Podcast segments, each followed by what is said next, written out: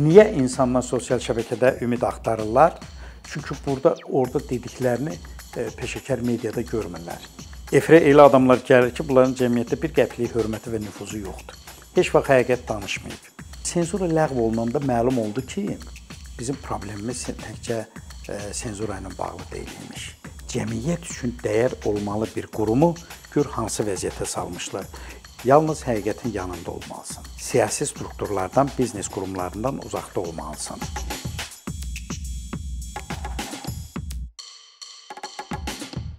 Qul müəllim salam. Çox sağ olun e, gəldiyiniz üçün. Qul müəllim mən nədən başlamaq istəyərdim? Biraz istəyərdim ki, belə konseptual cığırdan girək bizim ə, e, söhbətimizə.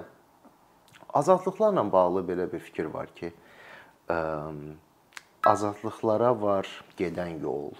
Yəni öncə başqa şeylər təşəkkül tapmalıdır ki, ondan sonra cəmiyyətə tam azadlıqlar verilsin və onun nəticəsində bu e, inkişaf gəlsin. Bir yanaşma da var ki, yox, azadlıqlar bu bizim təbii haqqımızdır, insan olaraq bizim haqqlarımızdır. Bu qabaqcadan olmalıdır ki, inkişaf buna uyğun da getsin. Sizin ümumiyyətlə bu iki arqumentlə bağlı fikriniz nədir? Bu e, bilirsiniz azadlığı ayrıca tədqiqat predmetinə çevirəndə onda çox suallar yaranır. Amma bunu öz təbii axarında qəbul eləyəndə orada suallar azalır.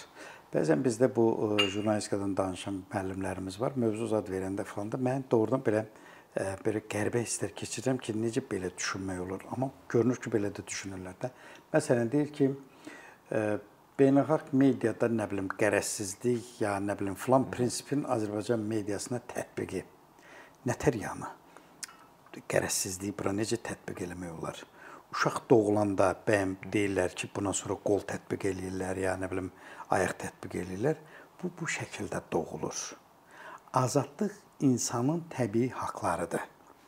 Bu doğuldu tam dəyərli bir deməli övlad kimi onun bütün əzaları yerindədir, amma sosiallaşma başlayanda müəyyən mərhələlərlə gedir. Uşaq ailə içərisindədir, sonra qonşuları dərk eləyir, sonra yaşıdları ilə e, deməli ünsiyyətə girir və bu prosesdə artıq cəmiyyətin içərisinə çıxır, üstəgəl digər hüquq və azadlıqlar məsələsi çıxır ortaya. Bax bu prosesdə mənə elə gəlir ki, hər şeyin özünün bir təbii axarı var. İnsanın danışmaq haqqı var. İnsanın informasiya almaq haqqı var. Təhsil almaq haqqı var. Bunlar hamısı konstitusiyada çox gözəl şəkildə təsbit olunur. Amma sadəcə olaraq hansı vaxt, hansı rejimdə, hansı şəraitdə, hansı ictimai sistemdə yaşamağımızdan və o sistemin, o rejimin azadlıqlara olan münasibətindən problemlər oradan başlayır. İstər söz azadlığı olsun, istər e, bilgi azadlığı olsun, istər mətbuat azadlığı olsun, ifadə azadlığı olsun. Bunlar o cəmiyyətin problemləri kimi ortaya çıxır. Təbii ki, insan da bu cəmiyyətin bir elementidir. Və o əgər o cəmiyyət deyək ki, demokratik cəmiyyətdirsə, konstitusiyada yazılanlar sadəcə söz deyil. Yəni reallığın təsbitidirsə, onda insan o azadlıqlara sahib olur. Yox, əgər konstitusiya yazırıq, amma tutaq ki, o rejim, bu rejimi idarə edən hakimiyyət o azadlıqların ölçüsündən narahatlıq keçirdirsə, bax onda problemlər oradan başlayır. Hesab edirəm ki, azadlıq bütün insanların haqqıdır. Təbii haqqlar var da. Yəni necə sən yeməlisən, hava almalısan, e, su içməlisən, təbii ehtiyaclar olduğu kimi azadlıq da artıq sosial ehtiyaclardır. Onlar da tədricən cəmiyyətin içərisində olmalıdır ki, insan hər tərəfli inkişaf eləsin. Sizin bu ə, e, verdiyiniz cavabı ifadə azadlığı kontekstində biz tətbiq eləsək bizim media məkanına, mənim özümün hiss etdiyim nədir? İndi intellektual ə, e, imkanlarımın verdiyi o məhdudiyyətlər və yaxud da imkanlarla mənim təhlil eləyə bildiyim budur. Yaxşı ifadə edirsiniz. Deməli, bəli, yəni ki, o filtrların nəyi görür? Mən baxanda bizim media məkanına sanki çalışırlar ki, xüsusilə bu yeni media agentlikdə yaratdılar falan. Sonra ə, mətbuat şurası da var. Yəni bu cür qəyyumçu qurumlar yaratmağa çalışırlar. Və altdan da görürsən ki, ə, müxtəlif müstəqil təşəbbüslər də var. Bu müxtəlif ə, müstəqil təşəbbüs göstərən media qurumları ki, yoxdur. İstər gənclər olsun, istər köhnədən qalanlar olsun, onların çox ciddi sıxıntıları var. Bu qəyyumçu media qurumlarına baxanda mənim hiss etdiyim budur ki, onların vəzifəsi aşağıdan bu müstəqil təşəbbüs göstərən media qurumlarının onlara vacib olan problemin həllindənsə, həllindənsə onlar çalışırlar ki, bir ə, hansısa bir vahid bir istiqamət müəyyənləşdirsinlər və o müstəqil təşəbbüslər hamısı o vahid istiqamətə uyğun olaraq fəaliyyət göstərsinlər. Bunun özü və bu ifadə azadlığı kontekstinə tətbiq edəndə nə dərəcədə sağlam bir prosesdir? Bilirsiniz, hansı yöndən yanaşılsa, sizin dediyiniz birbaşa söz və mətbuat azadlığı kontekstində qavranmalıdır. Mətbuat söz azadlığı biraz daha genişdir. Mətbuat azadlığı, mətbuat azadlığı, yəni söz azadlığı üçün bir oksigendir, atmosferdir. Yəni o azadlıq olmasa, bu azadlıq da yox kimidir. O ki qaldı məsəl üçün konkret bizim ölkə ilə bağlı ki, indi bax bu dediyiniz mətbuat azadlığı söhbətləri var. Baxın məsələn 90-cı illərin əvvəlləri bir kör təbii, təbii və cəmiyyətin ehtiyac duyduğu Sovet rejimindən çıxmış bir cəmiyyət Bəli. uzun illər deməli qapaq altında qalmış informasiyalar, ictimai münasibətlər, şəxsiyyətlər, tarixlə, ölkənin həyatı ilə bağlı məsələlər bunlar birdən-birə ictimai deməli e, sferaya çıxdı. Və e, məlum oldu ki, mətbuat azadlığı həmin o cinin butulkadan çıxması kimi bir şeydir. Yəni xüsusi bir hazırlıq mərhələsinə ehtiyac yoxdur. Ehtiyac olmadı. Azadlığı verirsən, bu proses getdi və bu tədricən əlbəttə sel gələndə nə olur? Əvvəldə çox kol, koz, belə nə lazımdır götürür gəlir. Sonra su rəvan bir axına düşür. 90-cı illərin ortalarında bu proses demək olar ki, gedirdi. Amma sonradan məsələn hakimiyyət düşünür ki, bu qədər mətbuat azadlığı bilirsiniz 98-ci ilə qədər bizdə 93-dən tətbiq olunmuş rəsmi rəsmi senzura var idi. O senzura 98-ci ilin avqustunda ləğv olundu. Amma senzura ləğv olunanda məlum oldu ki, bizim problemimiz təkcə senzura ilə bağlı deyil imiş. İnsanın həm də içərisində bir senzura var. Daxili senzura var. Yəni bu mətbuatı artıq həmin o daxili senzura idarə etməyə başladı. Əlbəttə, hakimiyyət də bir belə bir göz altında saxlayır ki, bu mətbuat hara gedir, necə gedir, necə olur. Azad mətbuatı sizə deyim, dünyanın heç bir rejimi sevmir. Nə qədər bəyan eləsə də ki, məsələn, Amerika indi müqayisə ilə ölkənin demokratik ölkəsidir. Məsəl üçün onun prezidenti Tramp bundan əvvəlki Baydendən əvvəlki prezident bu gələn kimi kimə meydan oxudu? CNN-ə, New York Times-a. Yəni o mediaya ki, o bunun iradəsindən kənarda fəaliyyət göstərir. Nəyə görə Amerikada birdən-birə Twitter başladı inkişaf eləməyə falan? Çünki e, Trump ölkəni başladı Twitterlə idarə eləməyə. Falan kəsi azad eləyirəm, Twitterdə yazıram. Yəni bu biraz bu Amerika idarəçiliyində o demokratiyanın hədsiz belə deyək ki, hüdudlarının ortaya çıxması özünə alternativ media məkanı özünə yaradır. Özünə alternativ media məkanı. Ona elə gəldi ki, alternativ media məkanı yaradır. Amma məsələn Kapitoliyaya hücumda iştirak edənlərin çoxu mənim düşüncəmə görə o həmin sosial şəbəkə informasiya istifadəçilərindən ibarət idi. Çünki Amerika cəmiyyəti məlumatları ölkənin azad və müstəqil mediasından almağa alışıb. O media peşəkar mediadır.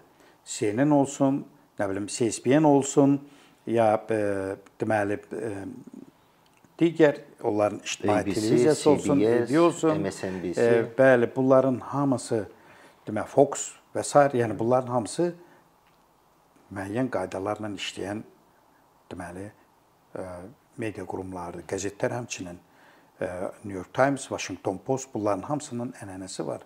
150 il, 200 il mövcud olan qəzetlərdir bunlar. Bunların prinsipləri var, nəsildən nəsillərə keçir. Onlar əməl olunur. Etik qaydalar var.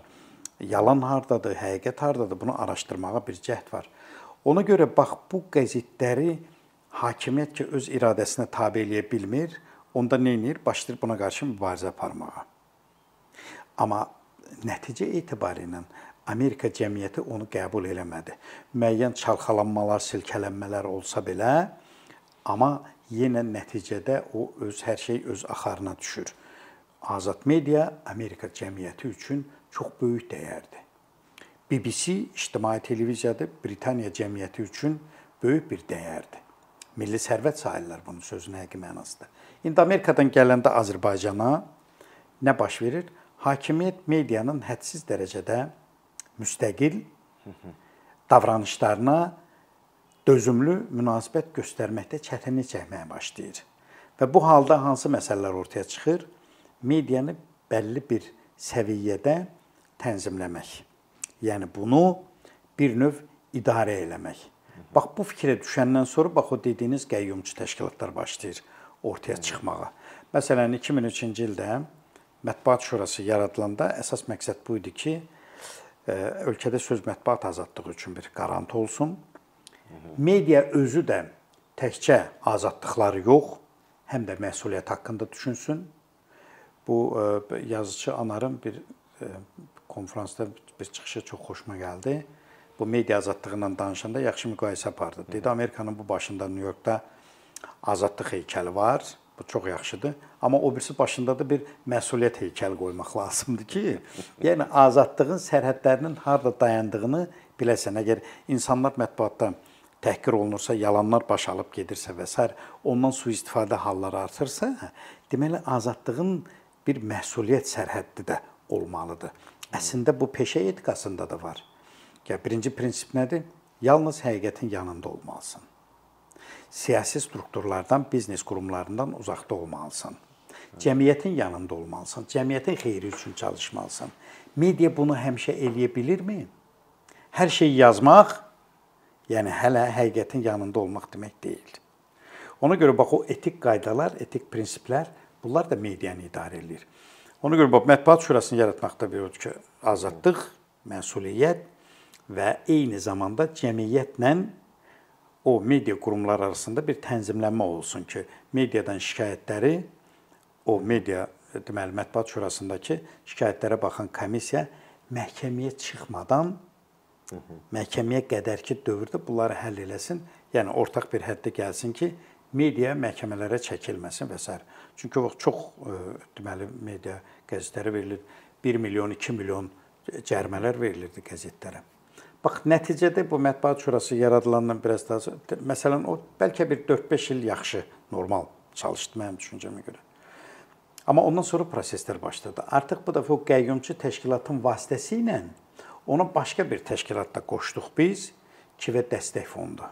Bəli. Yəni pul məsələsi ortaya çıxdı. Medianın indi ən zəif yeri maliyyə resurslarıdır. Maliyyə pulun yoxdursa, normal azad bazar iqtisadiyyatı yoxdursa, reklam bazarı yoxdursa və o reklam bazarı getdikcə o da məhdudlaşdırıldı, darlaşdırıldı. Gəldi çıxdı bəlli bir həddə ki, həmin o kivə dəstək pulun vasitəsi ilə və mətbuat şurası da təbii ki, burada özünün belə mənfi rolunu oynadı və nəticədə biz artıq ələ baxan, puldan asılı olan, hökumətin dediyi ilə oturub duran ictimai problemləri deyil, hakimiyyətdən gələn e, mesajları yazan, reallaşdıran bir media ilə üz-üzə gəldik. İndi də o şəkildədir. Yəni artıq son 1 ildə müəyyən proseslər gedir ki, bunu biz dirçəldək. Doğrudan da e, ciddi addımlar atıldı. E, məsələn, Milli Teleradio Şurasının rəhbərliyi dəyişdirildi. Kifə Dəstək Fondu rəhbərliyi dəyişdirildi və sonra ümumiyyətlə ləğv olundu sonra ictimai televiziyanın çox ciddi bir məsələdir ki, onun rəhbərliyi dəyişdirildi. Çünki onu artıq ASTV-nin 5-ci təkərinə çevirmişdilər. ASTV-nin o ASTV tarixinin ümumiyyətlə kriminal sifəti olan bir sədr var idi. Arif Alışanov bu gün də ondan çox danışırlar ki, maliyyə büdcəsini maliyyə pozuntuları belədir, büdcədən bu qədər pul uğradı. Adı cinayətdə, adamı öldürməkdə, qətldə hallanırdı filan. Yəni onun idarə elə ictimai televiziyanı o idarə eləyirdi. İctimai televiziya ASTV qarşısında hesabat verirdi. Yəni cəmiyyət üçün dəyər olmalı bir qurumu gör hansı vəziyyətə salmışlar. İndi orada şükür yeni adam qoyulub, bu Balaş Qasımov mənim düşüncəmə görə çox yaxşı menecerdir, televiziya işini gözəl bilir, kifayət qədər yüksək səviyyəsi var, televiziya işini bilir, amma nə nə olmalıdır? Bunun azadlığının sərhədləri geniş olmalıdır. Cəmiyyət orada ifadə olmalıdır. Televiziya ekranı, o cümlədən də ictimai televiziya birinci növbədə bu bir sosial harmoniya yaratmalıdır. Bir sosial platforma üçün bir meydan olmalıdır ki, insanlar orada problemlərini desinlər. İndi diskussiya verilişləri artıb orada məsəl üçün diqqət mərkəzi, yekun, başqa diskussiya proqramları var. Mənə xoş gəlir. Vaxtı ilə o adamları ki, o televiziyanın həndəvərinə buraxmırdılar. İndi o adamlar orada e, diskussiyalarda iştirak eləyir, fikirlər deyirlər. Dünya dağılmır ki. Normal bir proses gedir, gedir. Ona görə e, məsələn o o xəttə gedə bilsə, əlbəttə o ictimai televiziya bax bizim o dediyimiz azadlıqları ekrana daşıya bilir. İfadə azadlığını, söz azadlığını və mətbuat azadlığının göstəricinə çevrilir. Bu birisi qurum. E, KİVDF yəni nə idi bunun işi? Qəzetlərə özdə layiq olmayan qəzetlərə ildə 60 min, 80 min, 100 min, 120 min pul verilirdi. Özdə bunların bir çoxu məmurlara bağlı idi. Yəni məsələn tutaq ki, bu işə rəhbərlik edən adam hə Əli Həsənov onun himayəsində olan qəzetlərə pul verir. E, nə bilim, e, yaxud e, nədir o fondun sədri vardı Vüqar Səfərli. Hə bunun bir mövqe qəzet 150 min pul verirdi. Heç o qəzeti 15 adam oxumurdu. Niyə dövlət buna 120 min pul verir? Yəni bu KİV-DF-nin mövcud olduğu illər ərzində müxtəlif rəqəmlər deyirlər də 30 milyon, 40 milyon, 50 milyon pul xərclənib. Amma o pula, o resursa bir mətbəə təşkil eləmək olardı. Əlbəttə olardı ki, qəzetlər orada ən müasir şəkildə çap olunsunlar. Qəzetlərin özü nə dərəcədə maraqlı idi ki, bunda istifadə eləsin, e, bu fürsətdən istifadə eləsinlər. Onlar özü üçün hansı belə kontentin daşıyıcıları olurlar. Qəzetlərə baxın, birinci səhifə demək olar ki, eyni şeylərdən yazırlar. Niyə? Çünki tapşırıqlar bir yerdən verilir, mövzular ardıcıllıqla bir yerdə verilir. Necə ki, televiziyanın xəbərləri hamısı bir-birinə oxşuyur, süjetlər, ardıcıllıq, iclaslar filanlar. Eləcə də bax o. İndi e, məsəl üçün e, indi e, ölkə rəhbərliyi də düşünür ki, necə eləmək ki, bu media həm xalqa yaxın olsun, həm sözün yaxşı mənasında hakimiyyət üçün problem çıxartmasın, amma bu da mümkünsüzdür və eyni zamanda Azərbaycanla e, bağlı gedən proseslərdə medianın da bəlli bir rolu olsun. Qul müəllim, sizin ə, e, həyat təcrübəniz və iş təcrübəniz ona imkan verir ki, siz həm klassik medianı görmüsüz, həm də indi bu sosial medianın, yeni medianın imkan verdiyi bu kontenti də görə bilirsiniz. Bu klassik mediada keçərli olan bu media prinsipləri ki var, etik prinsiplər ki var. Onlar bu yeni mediada keçərlidirmi? Nə çatmır ki, onlar tətbiq edilməlidir prinsip etibarilə? Bu bəzən sosial medianı vətəndaş jurnalistikası adlandırırlar. Mənim düşüncəmə görə bu tamamilə yanlışdır. O jurnalistika deyil, o məhz mediadır, sosial mediadır, sosial şəbəkələrdə olan mediadır. Klassik medianın prinsiplərini ora daşımaq mümkünsüzdür. Çünki bu medianın özünün nizamnaməsi var, necə ki Washington Post qəzetinin, CNN-in ya BBC-nin nizamnaməsi var, o cümlədən etik qaydalar kodeksi var. Eləcə də bizim televiziyaların və qəzetlərin, saytların o cür etik kodeksi var. Olmalı, ol, yoxdursa olmalıdır mütləq ki, bu hansı prinsiplə əldə edilir. Bax o sosial mediada bu etik qaydalar yoxdur. Bu bir biraz bir növ qaydasız döyüşdür. Mən bir şey gördüm, qoyuram bura. Mən bir şey çəkdim, mahiyyətinə varmadan bunu atdım bura. Təəssüf ki, bəzən saytlar da onun təsiri altına düşür, tez götürüb bu məlumatı verirlər ki, güya bunlar operativdir. Media, peşəkar media bu məsələdə çox diqqətli olmalıdır. Amma heç bir halda bu medianın peşəkar standartlarını biz ora tətbiq eləyə bilmərik. Bilmərik, yəni ona görə ki, bu mümkünsüzdür. Ağlı olan, dərrakəsi olan adam bilir ki, burada yalan yazmaq olmaz. Amma sosial mediada sosial qat fərqlidir. Sosial təbəqə müxtəlif. Burada orta məktəb şagirdi də var, 85 yaşında pensiyaçı da var, nə bilim aktiv də var, qeyri-aktiv də var. Məqsədi adamları ləkələmək olan ya anonim e, profillər də var. Ona görə bunların ümumi bir alana gətirmək bu çətindir. Amma bu bir ciddi platformadır. Burada media da istifadə edə bilər. İndi başlayıblar ki, biz bu e, sosial medianı necə tənzimləyə bilərik, Bəli. interneti necə tənzimləyə bilərik. Bunu tənzimləmək mümkün deyil. Ümumiyyətlə arzu Amma, olunandırmı ki, xeyr, inzibati vasitələrlə bu azad məkan hər şeyin ə, e, mayasında bir maarifçilik dayanmalıdır. Məncə biz məsəl üçün Almaniyada cəhd elədilər ki, bunu tənzimləsinlər. Hı -hı. Sosial medianı ya interneti falan. Amma bu qərara gəlirlər ki, burada hansısa standartları hazırlamaq və təlqin eləmək o daha effektlidir. Ki burada söyüş söymək olmaz, pornoqrafiya olmaz, insanları təhqir eləmək İrqi, olmaz. Etnik, cinsi zəmində təhqir. Etnik, cinsi deməli hakimiyyəti yıxmağa zoraki yolla yıxmağa çağırış eləmək olmaz və s. mahiyyətcə bu anlaşılandır və belə də olması lazımdır.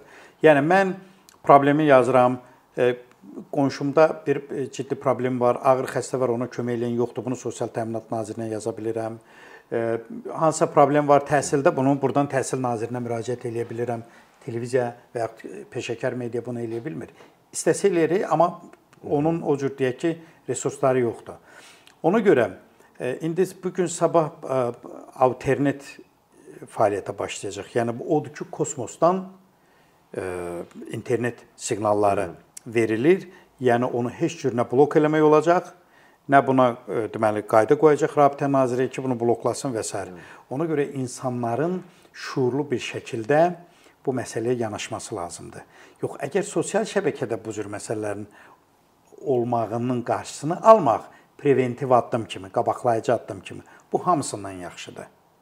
Niyə insanlar sosial şəbəkədə ümid axtarırlar? Çünki burada orada dediklərini e, peşəkar mediada görmürlər. Televiziya bu məsələləri müzakirə eləsə, səhiyyəni tənqid eləsə, nə bilim təhsildəki problemləri tənqid eləsə, sosial təminatdakı korrupsiyanı, rüşvəti tənqid eləsə, kimin nə işi qalıb ki, bu girsin sosial şəbəkədə onlar eləsin. Ona görə biz bu alanı canlandırmalıyıq ki, sosial şəbəkə üçün oksigen azalsın, yük azalsın orada. Yəni Baxın da müharibə vaxtı insanlar məlumatları hardan alırdılar? Ancaq peşəkar mediadan. Hətta ASV-yə baxırdılar. Yəni niyə? Çünki ə, e, ən ciddi, dəqiq, rəsmi xəbərlər orada verilirdi və s. Ona görə yəni biz peşəkar medianı inkişaf elətdirməliyik ki, cəmiyyəti sosial medianın ümidinə qoymayaq. Belə olsa, onda peşəkar mediada inkişaf eləyir və sosial medianın düşündüyümüz mənada zərərlərini biz minimuma endiririk. Ona görə adamlar görəndə ki, bu məsələ televiziyada normal tartışılır, qəzetdə bunlar yazılır, onda bunu sosial mediada qeyri-peşəkar şəkildə və ya şikayətçiğallıq şəklində qoyulması nə istəyim ki? Ona görə yəni yollardan biri, resurslardan biri budur ki, peşəkar media inkişaf eləsin, həqiqəti yazsın. Adamlar həqiqəti görmədiyinə görə sosial mediada görüm kim nə yazıb bununla bağlı onu bilmək istəyir. Baxın, prezidentin tənqidi çıxışları olur da bir çox hallarda. Məsələn, korrupsiya ilə falan. Niyə populyardır? Çünki həqiqəti deyir. Sosial şəbəkədə də indi bu xüsusən xaricdən çoxlu söyüş, yalan, belə bu qəbul olunmayan bir tərzdə mesajlar verilir. Cəmiyyət artıq onu qəbul eləmir. Niyə? Çünki o onun izləri və onun rüşeymləri peşəkar mediadan sıçrayanda geniş e, e, sferaya, onda adamlar başlayırlar mediaya maraq göstərməyə. İndi niyə müharibədən sonrakı vəziyyəti televiziyalar və media saxlaya bilmir? Çünki başladılar bax o siz dediyiniz həqiqətə uyğun olmayan şeylərdən yazmağa. Efrə elə adamlar gəlir ki, bunların cəmiyyətdə bir qəpiklik hörməti və nüfuzu yoxdur. Heç vaxt həqiqət danışmayıb. Kiməsə xoş gəlməyi üçün başlayır danışmağa, onda da cəmaət onu deyir ki, mən səndən deyiləm, sosial şəbəkədən mən bunu öyrənərəm. Budur məsələ. Məsələn, mən şəxsi görüşümü deyim, sizin də fikriniz maraqlıdır. Sosial mediada düzdür, mənim də xoşum gəlmir ki, ümumiyyətlə toksik fikirlər çoxdur. Bir-birini təhqir eləmə meylləri çoxdur, xüsusilə fərqli düşünən insanlar arasında. Söyüş kontenti biraz ə, çoxdur. Və da bir aqressiv, aqressiv bir toksik bir mühit var. Bu mənim də şəxsən sosial media istifadəçisi kimi xoşum gəlmir bundan. Amma mən bunu da e, ifadə azadlığının önəmli bir tərkib hissəsi sayıram. Yəni inzibati hansısa vasitələrlə və yaxud da deyək ki, bu bayaq adını çəkdiyimiz qəyyumlar var, onların hansısa bununla bağlı, hətta ritorik olaraq ifadələri ki var, bunu tənzimləmək lazımdır və s. O mənə olduqca təhlükəli bir şey kimi gəlir ki, bu azad məkan var, o azad məkanı məhdudlaşdırmaq olmaz. Orda olan istifadəçilər özləri o mühiti tənzimləməlidirlər. Söyüş söyənə söyüş söymə deyə bilər, aqressiv olana deyə bilər ki, aqressiyanı aşağı sal. Sizin bununla bağlı fikriniz nədir? İfadə azadlığıdırmı? Əlbəttə ifadə azadlığı istisna eləmir. Yəni bax o ə, bilsiz adam bir dəfə, iki dəfə böhtan deyir, yalan yazır. Amma cəmiyyət də onu ə, deməli qəbul eləməyəndə, yəni onun bazarının məhsulunun alıcısı olmayanda o geri çəkilməyə məhkumdur. Bizdə necədir? Məsəl üçün bizdə mediada saytlar çıxandan sonra e, xeyli dərəcədə yalan yazan, sifarişlə yazan, böhtan, xüsusən oliqarxlar bu saytları bir-birinə qarşı mübarizə vasitəsinə çevirmişlər. Məmurlar indi çox açıq şəkildə deyirlər də ki, tutaq ki, Ələsən o sifariş eləyir ki, bu bu bu bunları yazın. Hə, onlardan sonra burada nə var? Burada pul toplamaq məsələsi var və yaxud mənim əlidən, quludan, vəlidən xoşum gəlmir. Bunlar bizim iradəmizi qəbul eləmir. Bunların əleyhinə bir böhtan püskürmək, bunlara qarşı kampaniya aparmaq falan. Çoxluq o cür olanda bu yeriyir. Özlərinin trollarını yetişdirirlər, o auditoriyada saxlayırlar, bölüşürlər. Bunu bir partiya xətti ilə də tənzimləməyə çalışırlar. Amma mahiyyət etibarilə bunlar hamısı gəldi şar kimi partladı. Sabun köpüyü kimi hamısı yoxa çıxdı. İndi o trolluq eləyənlər, o sifarişlərlə yazanlar başlayıblar media dəyərlərindən danışmağa. Bu cür yaramaz, bu cür ikiyüzlü, bu cür riyakar, bu cür mənən istismar olunmuş adamlar olub, var, həmişə olacaq. Amma bunların da söz haqqı var. Amma doğrudan onlar bu cəmiyyət üçün faydalı şeylərdən danışırlarsa və yazırlarsa, o sözü kimin deməyin əlbəttə ki, çox böyük mənası var. Amma bunların e, bunların da fikirlərinə mənə elə gəlir ki, Axı bu ola bilməz ki, adam həmişə nəfə, nəfəsi yalanla alsın. Bu da var. Ona görə bu cəmiyyətin və söz azadlığına razıyam sizlə. Bu da bir rəngidir. Amma bu rəng nə qədər az olsa, bir o qədər yaxşıdır. Bir siz əks fikir demək bir başqa şeydir. Amma böhtan, e, ləyaqətsiz yazılar, insanların şəxsiyyətinə yönəli, onların e, deməli, şəxsi həyat problemlərindən bəzən heç dəxli olmayan böhtanlar yazılır, falan eləyir. Ailə həyatına müdaxilə. Bunlar yol verilməzdir bunlar. Amma məsələn tutaq ki, biz istir sosial şəbəkə olsun, istir bir başqa platforma olsun, ora daxil olarkən o etik öhdəlik götürmək bunun ən yaxşı yoludur. Məsələn, Facebook ya Twitter, ya nə bilim Adnoklassnik, ya YouTube. YouTube görürsüz ki, məsəl üçün şikayət oldu, falan elədi, məhdudlaşdırır. Eləcə də başqa platformalar sizə öhdəlik təklif edir ki, məsələn, burada söyüş olmayacaq, böhtan olmayacaq, təhqir olmayacaq falan. O öhdəliyi imzalayıb daxil olursansa o platformaya, yəni orada biraz nisbətən salamatlıq olur. Amma yenə də deyirəm, bütün e, tarix mövcud olandan bu tezislə antitezis, gecə ilə gündüz, qaranlıqla işıq həmişə bir yerdə olub. Və Zərdabini də vaxtı ilə söyürdülər də həcv yazırdılar ki, buna qəzetdə çıxardırsan falan. Amma tarix kiminlə bağlıdır? Zərdabi ilə bağlıdır. Axundovla bağlıdır. Əhməd bəy oğlunu e, yəni gözüm çıxdıya salırlar ki, biliklidir, həqiqəti deyir. Eləcə də bizim başqa müdrik klassik mütəfəkkirlərimizi. Ona görə bu Azərbaycan cəmiyyəti məncə indiki çıxdığı yol işığın üstündədir və biz o işığı tutub getməliyik. Mən belə düşünürəm. Qul müəllim, çox sağ olun gəldiyiniz üçün. Sağ olun. Çox, Təşəkkür çox edirəm. Sizin də adınız, düşüncəniz Böyük Zərdabın adı ilə bağlı olduğuna görə əkinçi. E, buna ümidimiz var ki, bu irəliləyə bilər. Əkinçi də o vaxt, yəni 1875-ci ildə ki bu çıxdı, Azərbaycan üçün bir ictimai göz verdi. Dünyaya baxmaq imkanı verdi. Zərdabi özü ilk QHT-ni yaratdı. İlk xeyriyyə cəmiyyəti yaratdı ki, kasıb uşaqlarını oxutsun və s. Ona görə əkinçi adı bu cəmiyyətdə bizim şuurumuzda təhsil olanlarda həmişə bir ümid yaradır və arzu eləyir ki, ümidləriniz həmişə reallaşsın. Çox sağ olun müəllim. Minnətdarıq, çox sağ olun. Əkinçinin yeni videoları haqqında məlumatlı olmaq üçün kanalımıza abunə olmağı və xəbərdarlıq funksiyasını aktivləşdirməyi unutmayın. İmkandan istifadə edərək cari patronlarımıza işlərimizi davam etməyə yardım olduqları üçün dərin təşəkkürümüzü bildiririk. Əkinçinin Patreon icmasının üzvü olaraq siz bizim təşəbbüsə dəstək göstərməklə bərabər hazırladığımız materialları hər kəsdən öncə izləmə imkanı əldə edəcəksiniz.